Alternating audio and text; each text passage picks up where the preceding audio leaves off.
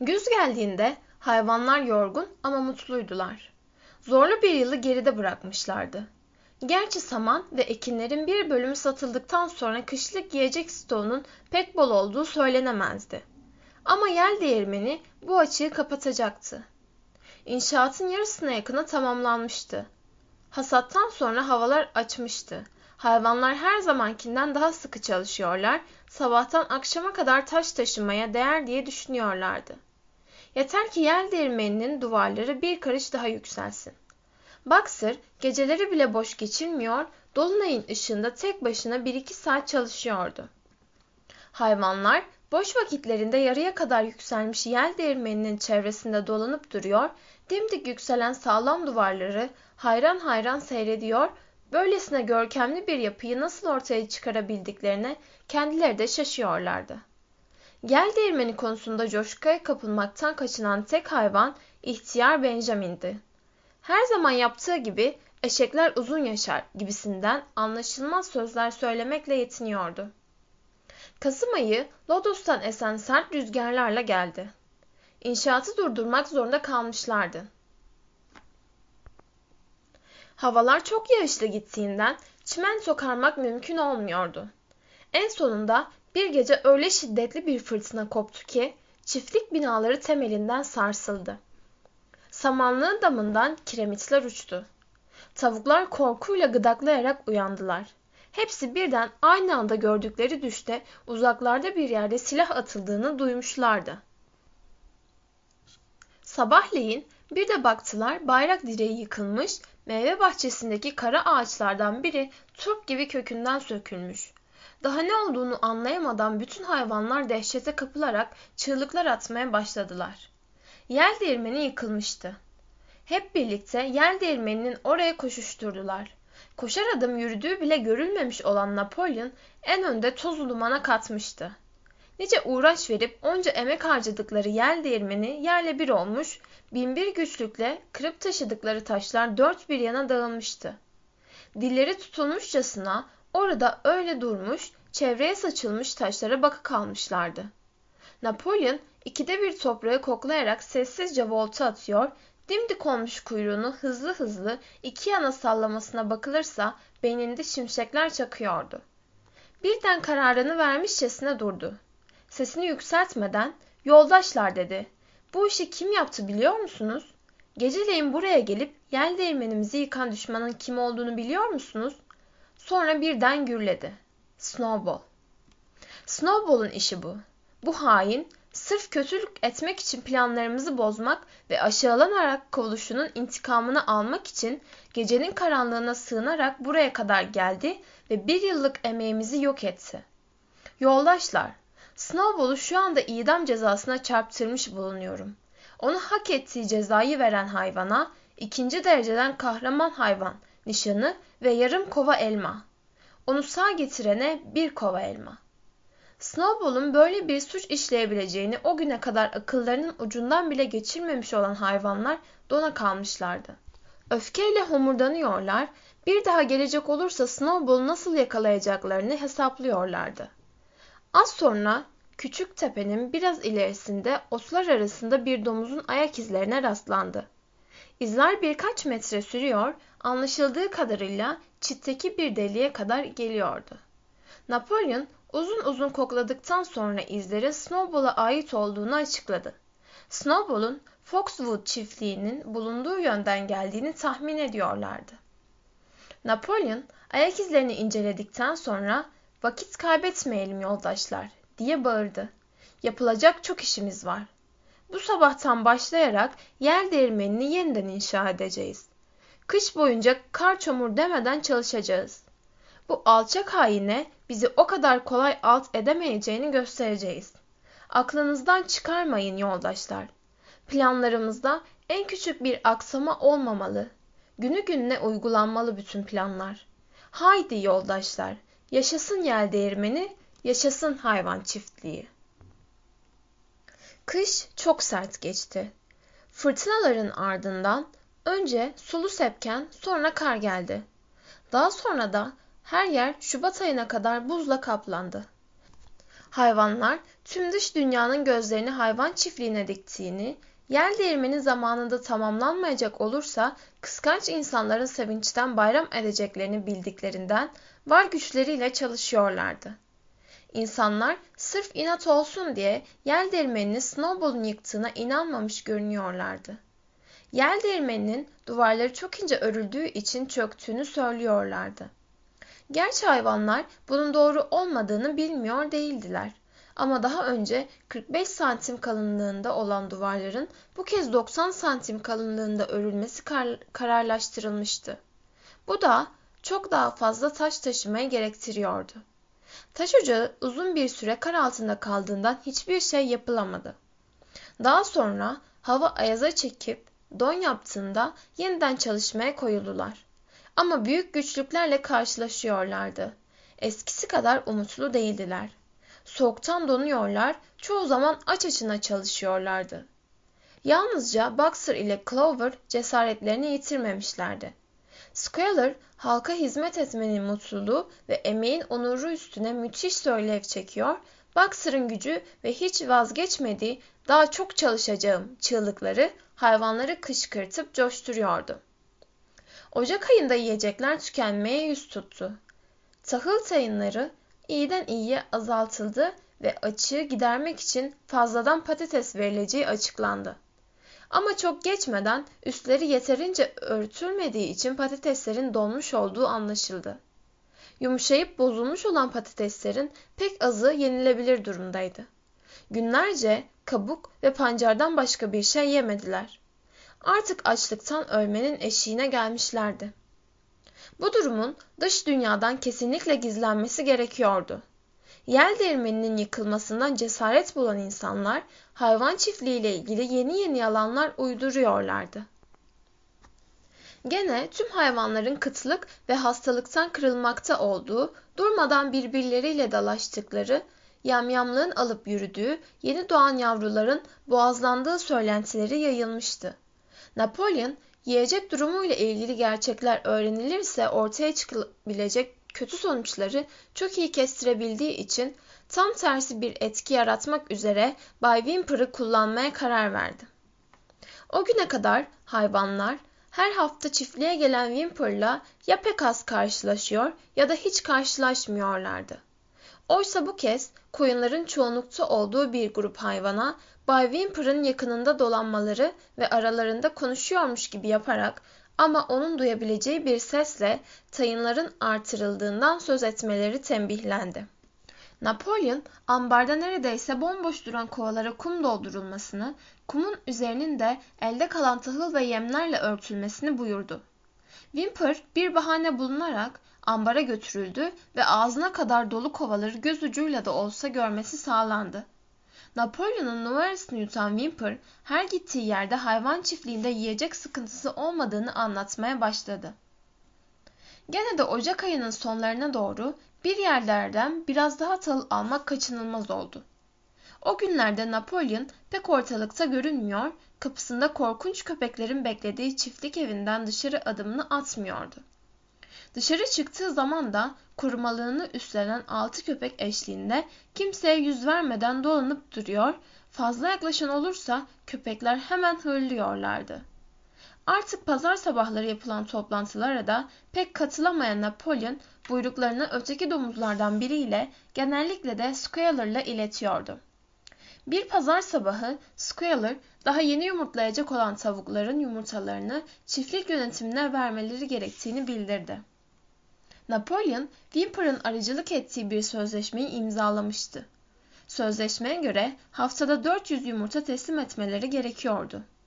Yumurtaların parasıyla yaz gelip de durumlar düzelinceye kadar çiftliği geçindirecek tahıl ve yemi alacaklardı.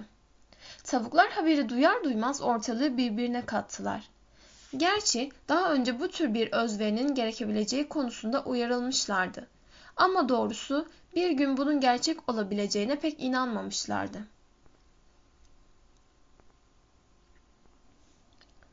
Yumurtaların tam da ilkbahar kuluçkasına hazırlandıkları sırada alınması cinayet değil de neydi? Jones'u çiftlikten kovuluşundan bu yana ilk kez ayaklanmaya benzer bir şey meydana geldi.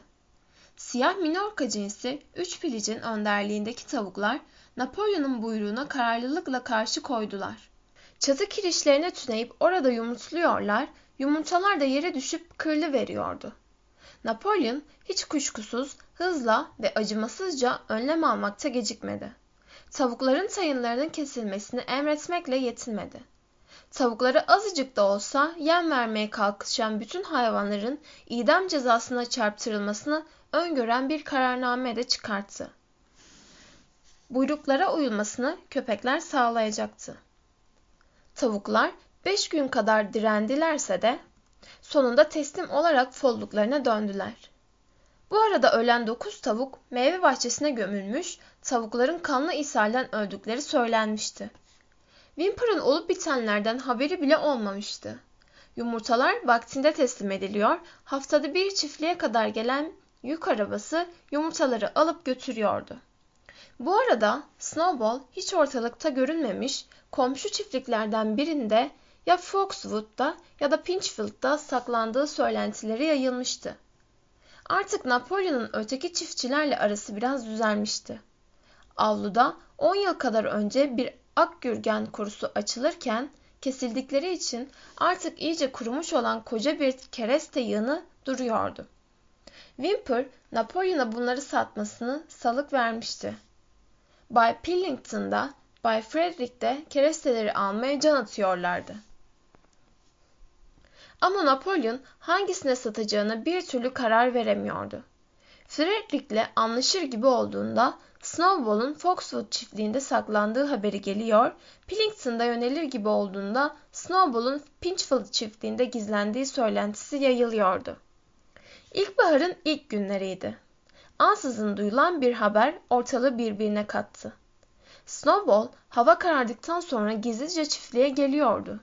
Hayvanlar öylesine tedirgin olmuşlardı ki geceleri gözlerine uyku girmiyordu. Söylenenlere bakılırsa Snowball her gece karanlıktan yararlanarak çiftliğe giriyor, yapmadığı uğursuzluk kalmıyordu. Tahılları çalıyor, süt kovalarını deviriyor, yumurtaları kırıyor, fidelikleri çiğneyip eziyor, meyve ağaçlarının kabuklarını kemiriyordu. Artık çiftlikte bir iş ters gitmeye görsün. Suç hemen Snowball'a yükleniyordu. Bir cam kırılsa ya da bir oluk tıkansa Snowball'un gece gene çiftliğe geldiği, bu işi mutlaka onun yaptığı söyleniyordu. Bir gün ambarın anahtarı kaybolunca bütün çiftlik Snowball'un anahtarı kuyuya attığı söylentisine inandı. İşin garibi kaybolan anahtar un çuvalının altından çıktığında bile hayvanlar bu söylentiye inanmaktan vazgeçmediler. İnekler Snowball'un gizlice ahırlarına girdiğini ve uykularında sütlerini sağdığını bile söylediler. O kış çiftliğe çok zarar vermiş olan sıçanların da Snowball'la işbirliği içinde oldukları söyleniyordu. Snowball'un çevirdiği dolaplarla ilgili sıkı bir soruşturma açılması gerektiğine karar veren Napolyon, köpeklerini yanına alıp çiftlik binalarını dolaşmaya, en kuytu köşelere varıncaya kadar her yeri yoklayıp araştırmaya koyuldu. Öteki hayvanlar da saygılı bir uzaklıktan onu izliyorlardı. Snowball'un izini kokusundan bulabileceğini ileri süren Napolyon birkaç adımda bir durup yeri kokluyordu. Samanlığın, inek ağılının, kümeslerin, bostanın koklamadık köşesini bırakmadı ve hemen her yerde Snowball'un izine rastladı. Uzun burnunu yere dayayıp hızlı hızlı kokluyor, sonra da ürkünç bir sesle ''Snowball buradan geçmiş, bu onun kokusu'' diye bağırıyordu. Napolyon'un her snowball diye bağırışında köpekler dişlerini göstererek adamın kanını donduran hırıltılar çıkarıyorlardı. Hayvanlar cin çarpmışa dönmüşlerdi. Snowball sanki görünmez olmuş her an çevrelerinde dolanıyor, ne zaman ne kötülük yapacağı kestirilemiyordu. Squealer akşamleyin bütün hayvanları bir araya topladı ve kaygılı bir sesle önemli haberleri olduğunu söyledi. Tedirginlikle oradan oraya sıçrayarak yoldaşlar diye bağırdı. Dehşet verici bir haber aldık. Satılmış Snowball. Pinchfield çiftliğinin sahibi Frederick'le birlik olmuş. Frederick bize saldırıp çiftliğimizi elimizden almayı planlıyormuş. Saldırı başladığında Snowball kılavuzluk yapacakmış. Dahası var.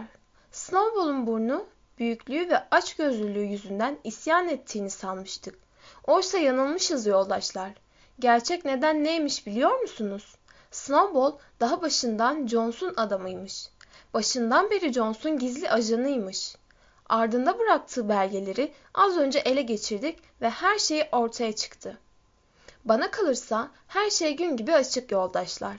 Iğıl Savaşı'nda bozguna uğrayıp yok olmamız için ne dolaplar çevirdiğini gözlerimizle görmemiş miydik zaten? Neyse ki becerememişti. Hayvanlar apışıp kalmışlardı. Yel değirmenini yıkmaktan çok daha büyük bir ihanetti bu. Ama ilk şaşkınlıkları geçer geçmez Ağıl Savaşı'nda Snowball'un en ön saflarda nasıl yiğitçe çarpıştığını, geri çekilmeye kalktıklarında kendilerini nasıl toparlayıp yüreklendirdiğini, Jones'un tüfeğinden çıkan saçmalarla sırtından yaralandığı zaman bile nasıl ileri atıldığını anımsadılar ya da anımsar gibi oldular. Snowball'un savaştaki yararlılıkları ile Jones'un gizli ajanı olmasını bağdaştırmak biraz zordu doğrusu. Pek az soru soran Boxer'ın bile kafası karışmıştı. Yere uzandı, ön ayaklarını altına aldı. Gözlerini yummuş, kafasını toparlamaya çalışıyordu. Ben buna inanmıyorum dedi. Snowball ağıl savaşında aslanlar gibi çarpıştı. Gözlerimle gördüm. Savaş biter bitmez ona birinci dereceden kahraman hayvan nişanı vermedik mi? Squealer, yanılmışız yoldaş diye karşılık verdi. Aslında bizi yıkıma sürüklemeye çalışıyormuş meğer. Ele geçirdiğimiz gizli belgeler her şeyi açıklıyor. Ama yaralanmıştı dedi Boxer. Kanlar içinde oradan oraya koştuğunu hepimiz gördük. Danışıklığı dövüşmüş diye bağırdı. Squealer hoplaya zıplaya saçmalar sıyırıp geçmiş aslında. Okuma bilseydin kendi yazısını gösterirdim sana. O zaman her şeyi anlardın. Snowball'un tüm kirli çamaşırları ortaya çıktı. Bir punduna getirip geri çekilme emri verecek ve meydanı düşmana bırakacakmış da haberimiz yokmuş. Az kalsın başarıyormuş da. Aslında hiç kuşkum yok yoldaşlar. Eğer yiğit önderimiz Napolyon yoldaş olmasaydı mutlaka yapardı yapacağını. Jones ve adamları avluya dağıldıklarında Snowball'un birden dönüp kaçmaya başladığını, birçok hayvanın da onun ardından gittiğini unuttunuz mu? İşte tam o anda hepimizin paniğe kapıldığı ve savaşı kaybettiğini sandığı sırada Napolyon yoldaşın insanlığa ölüm diye haykırarak nasıl ileri atıldığını, dişlerini Jones'un bacağına nasıl geçirdiğini anımsamıyor musunuz? Bunu unutmuş olamazsınız yoldaşlar. Squealer sahneyi bu kadar canlı bir biçimde anlatınca hayvanlar da gerçekten anımsar gibi oldular. En azından savaşın o can alıcı anında Snowball'un geri dönüp tabanları yağladığını anımsıyorlardı. Ama Boxer'da hala bir tedirginlik seziliyordu. Sonunda baklayı ağzından çıkardı. Snowball'un daha başında hain olduğuna inanmıyorum. Sonradan yaptıklarına bir diyeceğim yok. Ama Snowball'un Ağıl Savaşı'nda tam bir yoldaş gibi davrandığı inancındayım. Squealer kısık ama kararlı bir sesle ''Bak yoldaş'' dedi. Önderimiz Napolyon yoldaş, Snowball'un ta beri üstelik ortalıkta daha ayaklanmanın lafı bile yokken Jones'un ajanı olduğunu tartışılmaz bir biçimde, evet tartışılmaz bir biçimde açıklamış bulunuyor. Bunun üzerine ha o zaman başka dedi Boxer. Napolyon yoldaş öyle dediyse öyledir. Squealer işte ben yoldaşlık ruhu diye buna derim diye bağırdı. Ama durmadan kırpıştırdığı ufacık gözleriyle bak sıra kötü kötü baktığı da gözlerden kaçmadı. Tam dönmüş gidiyordu ki birden durdu ve etkileyici bir sesle ekledi. Bu çiftlikteki bütün hayvanları uyarırım. Gözünüzü dört açın. Snowball'un ajanlarının şu anda bile ellerini kollarını sallayarak aramızda dolaştıkları besbelliydi. Dört gün sonra akşama doğru Napolyon bütün hayvanların avluda toplanmasını emretti. Herkes toplandığında göğsünde madalyalarıyla Napolyon belirdi.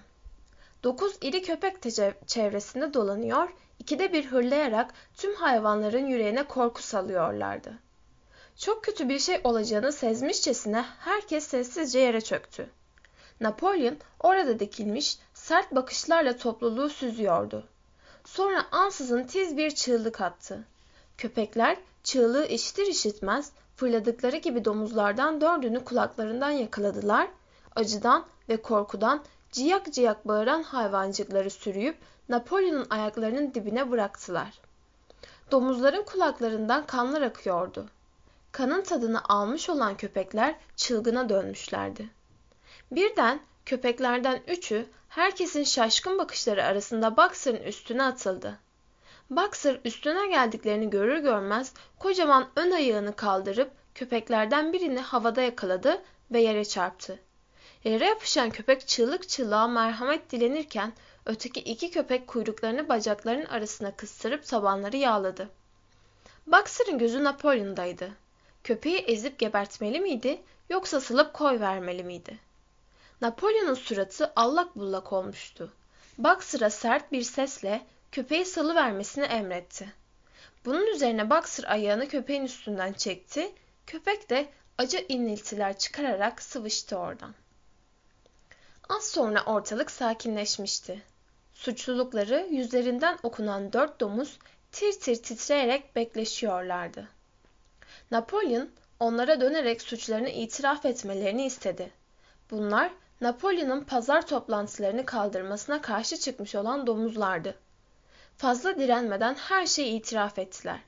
Çiftlikten kovulduğu günden beri gizlice görüştükleri Snowball ile yel değirmeninin yıkılmasında işbirliği yapmışlar.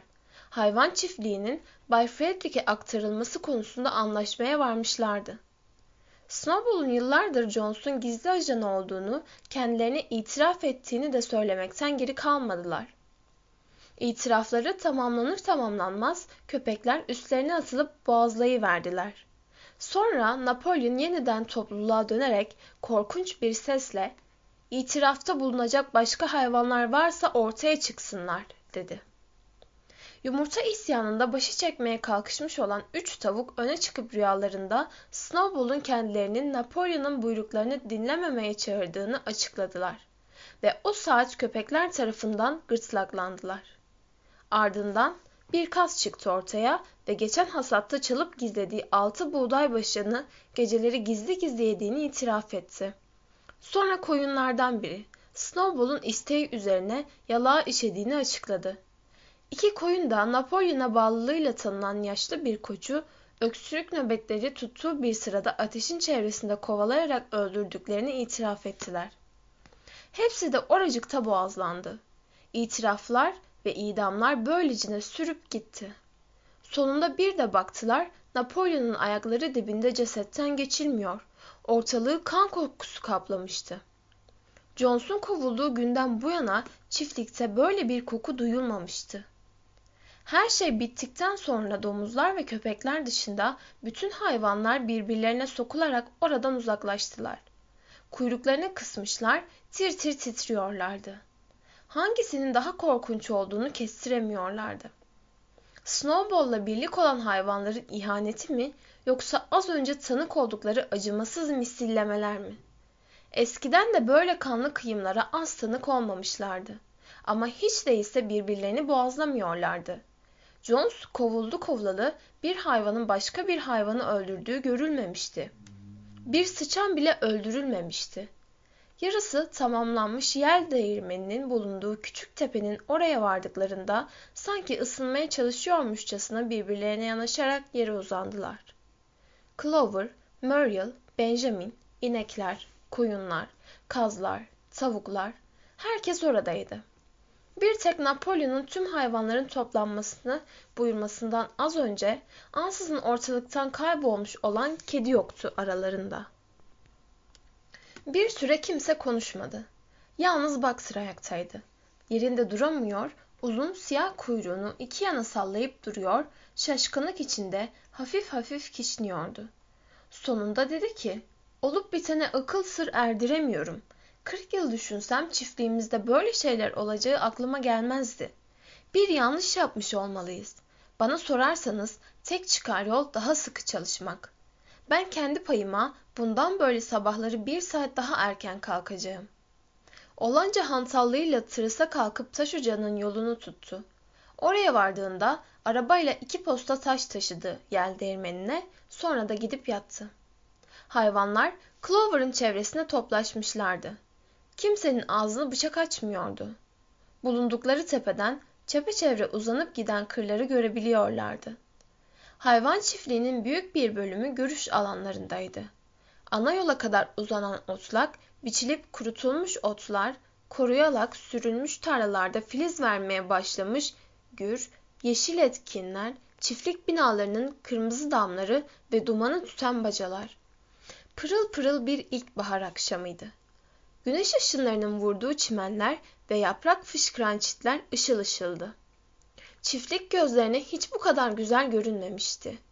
Birden burasının kendi çiftlikleri olduğunu hatırladılar.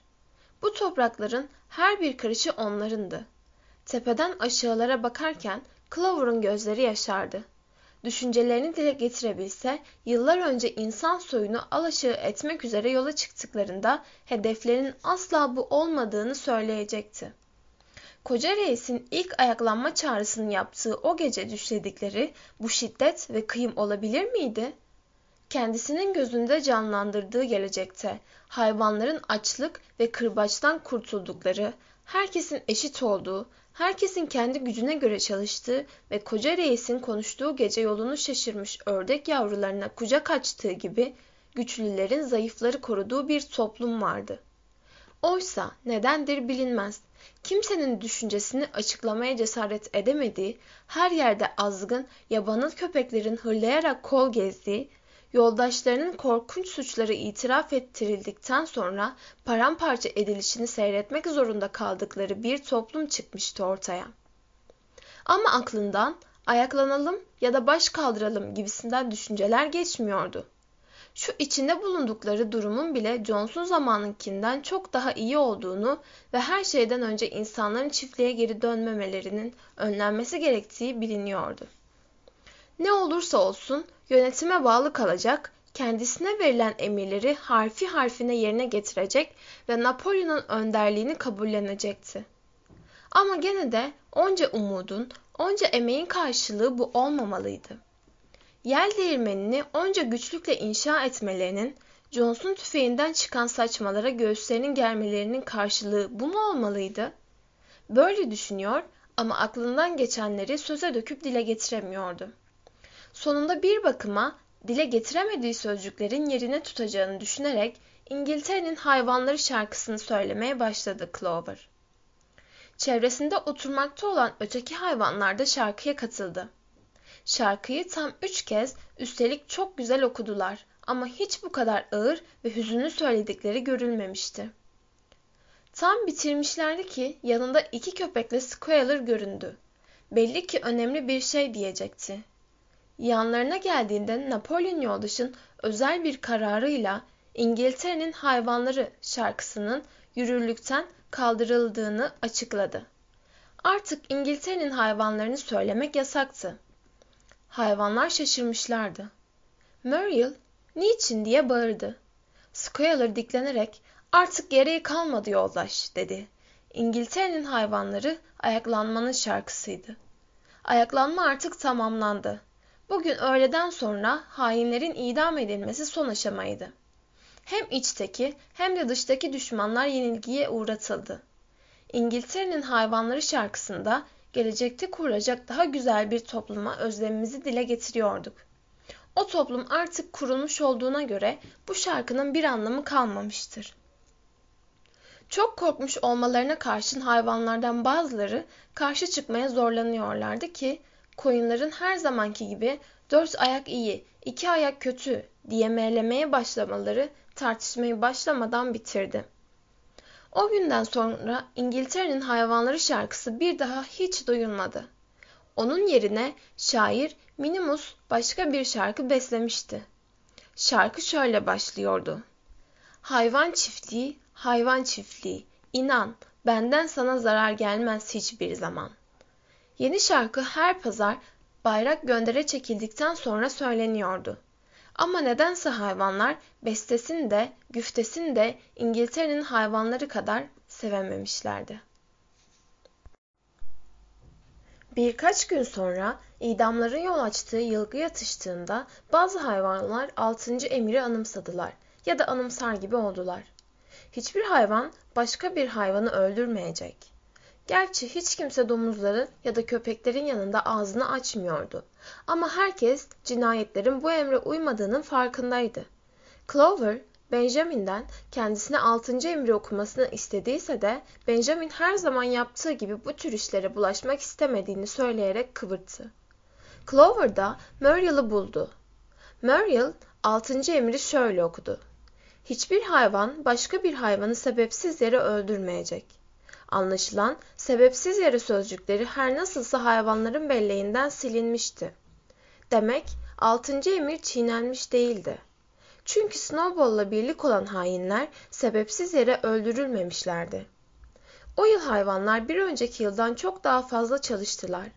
Bir yandan yel değirmeninin hem de duvarlarının kalınlığı iki katına çıkartılarak yeniden inşa edilmesi ve inşaatın önceden belirlenen tarihte tamamlanması, öte yandan çiftliğin gündelik işlerinin yürütülmesi olağanüstü bir çaba gerektirmişti. Hayvanlar zaman zaman Johnson döneminde olduğundan daha fazla çalışmalarını karşın daha iyi beslenmedikleri fark eder gibi oldular. Squealer pazar sabahları ayağıyla tuttuğu uzun bir kağıt parçasından bir takım rakamlar okuyarak çeşitli gıda maddelerinin üretiminin %200, %300, %500 arttığını açıklıyordu. Hayvanlar ayaklanmadan önceki koşulları artık doğru dürüst anımsamadıklarından ona inanmamak için bir neden göremiyorlardı. Ama gene de öyle günler oluyordu ki daha az rakam dinleyip daha çok yemek yiyeceğimiz günleri ne zaman göreceğiz diye düşünmeden edemiyorlardı. Artık bütün emirler Squealer ya da öteki domuzlardan biri tarafından iletiliyordu. Napolyon ancak 15 günde bir halkın arasına çıkıyor, çıktığı zaman da yanında yalnızca köpeklerden oluşan mahiyeti değil, siyah bir horoz da bulunuyordu. Horoz önden yürüyor ve Napolyon konuşmasına başlayacağı zaman bir borazancı gibi avazı çıktığı kadar ürü ürü diye ötüyordu. Napolyon'un çiftlik evinde bile ötekilerden ayrı odalarda kaldığı söyleniyordu. Yemeklerini yalnız başına yerken yanı başında iki köpek bekliyor, bir zamanlar oturma odasındaki cam dolapta duran Crown Derby yemek takımını kullanıyordu yalnızca. Bu arada öteki iki yıl dönümünün yanı sıra Napolyon'un doğum gününün de tören atışıyla kutlanacağı açıklanmıştı. Artık kimse Napolyon'dan yalnızca Napolyon diye söz edemiyordu resmi bir ağızla önderimiz Napolyon yoldaş denmesi gerekiyordu. Domuzlar ise ona tüm hayvanların babası, insanların korkulu rüyası, koyunların koruyucu meleği, yavru ördeklerin can dostu gibi ünvanlar bulmakta birbirleriyle yarışıyorlardı. Squealer gözlerinden yaşlar akarak yaptığı konuşmalarda Napolyon'un ne kadar bilge, ne kadar iyi yürekli bir hayvan olduğundan yeryüzündeki tüm hayvanlara Özellikle de öteki çiftliklerde hala cehaletin karanlığında köle gibi yaşayan mutsuz hayvanlara ne kadar derin bir sevgi beslediğinden dem vuruyordu. Kazanılan her başarının, her sevindirici olayın Napolyon'a mal edilmesi artık bir alışkanlık olmuştu. Bir tavuğun başka bir tavuğa, önderimiz Napolyon yoldaş olmasaydı altı günde beş yumurta yumurtlayamazdım dediği Gölden su içmekte olan iki ineğin Napolyon yoldaşın önderliği olmasaydı gölün suyu bu kadar tatlı olur muydu diye bağırdığı bile duyulmuştu. Çiftlikteki hayvanların bu konudaki duygu ve düşünceleri Minimus tarafından kaleme alınan Napolyon Yoldaş adlı bir şiirde yankılandı. Şiir şöyle. Yetimlerin biricik babası, mutluluğumuzun pınarı, yem kovalarının sultanı, Gökyüzündeki güneşi andırırsın, dingin ve buyurgan bakışınla yüreğime coşku salarsın. Napolyon yoldaş. Kullarının sevdiği her şeyi sensin onlara bağışlayan. İki öğün yemek, tertemiz saman döşek. Büyük küçük her hayvan rahat uyur her akşam. Sensin onları koruyup kollayan Napolyon yoldaş.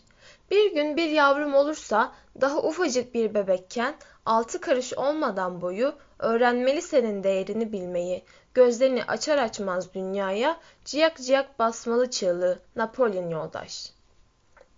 Napolyon şiiri beğenip onayladı ve büyük samanlığın duvarına yedi emirin yanına yazdırdı. Napolyon'un Squealer tarafından beyaz boyayla yapılmış profilden portresi de şiirin yukarısına asıldı. Bu arada Napolyon, Whymper aracılığıyla Frederick ve Pillington ile karışık ilişkilere girmişti. Keresteler hala satılmayı bekliyordu. Frederick almaya daha istekli görünüyorsa da uygun bir fiyat vermeye yanaşmıyordu. Kaldı ki yeniden dolaşmaya başlayan dedikodulara bakılırsa Frederick adamlarıyla birlikte hayvan çiftliğine saldırmayı ve çok kıskandığı yel değirmenini yerle bir etmeyi tasarlıyordu. Snowball'un da hala Pinchfield çiftliğinde gizlendiği biliniyordu. Yaz ortalarında üç tavuğun Napolyon'a karşı bir suikast hazırlığına katıldıkları itiraf ettiklerini işiten hayvanlar büyük bir korkuya kapıldılar. Tavuklar hemen idam edildi ve Napolyon'un güvenliği için yeni önlemler alındı. Geceleri yatağının çevresinde köpekler nöbet tutuyor, yediği her yemek zehirli mi değil mi diye önceden Pinkeye adlı genç bir domuz tarafından tadılıyordu. Aynı günlerde Napolyon'un keresteleri Bay Pillington'a satmaya karar verdiği açıklandı. Ayrıca hayvan çiftliği ile Foxwood çiftliği arasında bazı ürünlerin takası konusunda uygun bir anlaşma da yapılacaktı. Napolyon ile Pillington arasındaki ilişkiler yalnızca Whymper aracılığıyla yürütülmekle birlikte artık neredeyse dostça bir niteliğe bürünmüştü. Gerçi hayvanlar bir insan olarak Pillington'a azıcık olsun güvenmiyorlardı ama gene de onu hem korktukları hem de nefret ettikleri Frederick'e yeğliyorlardı. Yaz ilerleyip yer değirmeni yapımı sonuna yaklaştıkça çiftliğin amansız bir saldırıya uğrayacağı söylentileri de arttı. Söylenenlere bakılırsa Frederick hepsi de silahlı 20 adam toplamış ve hayvan çiftliğinin tapu senetlerini eline geçirdiğinde sorgu sual etmesinler diye daha şimdiden yargıçlara ve polislere rüşvet yedirmişti. Dahası Pinchfield çiftliğinden Frederick'in hayvanlarına ne kadar acımasızca davrandığına ilişkin tüyler ürpertici bilgiler sızıyordu. Doğruysa yaşlı bir beygiri öldürünceye kadar kırbaçlamış, inekleri günlerce aç bırakmış, köpeklerden birini ocağa atmıştı. Akşamları mahmuzlarını keskin jiletler taktığı horozları dövüştürmekten zevk alıyordu. Hayvanlar yoldaşlarına yapılanları duydukça öfkeden kuduruyorlar, zaman zaman hep birlikte Pinchfield çiftliğine saldırarak insanları kovup hayvanları özgür kılmak için kendilerine izin verilmesini istiyorlardı. Squealer ise öfkeyle kalkarlarsa zarlarla oturacaklarını söylüyor, Napolyon yoldaşın bilgi ve deneyimine güvenmelerini öğütlüyordu. Gene de Frederick'e duyulan nefret her geçen gün büyüyordu. Napolyon bir pazar sabahı samanlığa gelerek keresteleri Frederick'e satmayı aklının ucundan bile geçirmediğini, böylesine aşağılık yaratıklarla iş yapmayı onuruna yediremediğini açıkladı. Ayaklanma düşüncesini yaymaları için hala komşu çiftliklere gönderilmekte olan güvercinlere Foxwood çiftliğine ayak basmamaları tembihlenmiş, insanlığa ölüm sloganını bırakarak Frederick'e ölüm sloganını kullanmaları emredilmişti.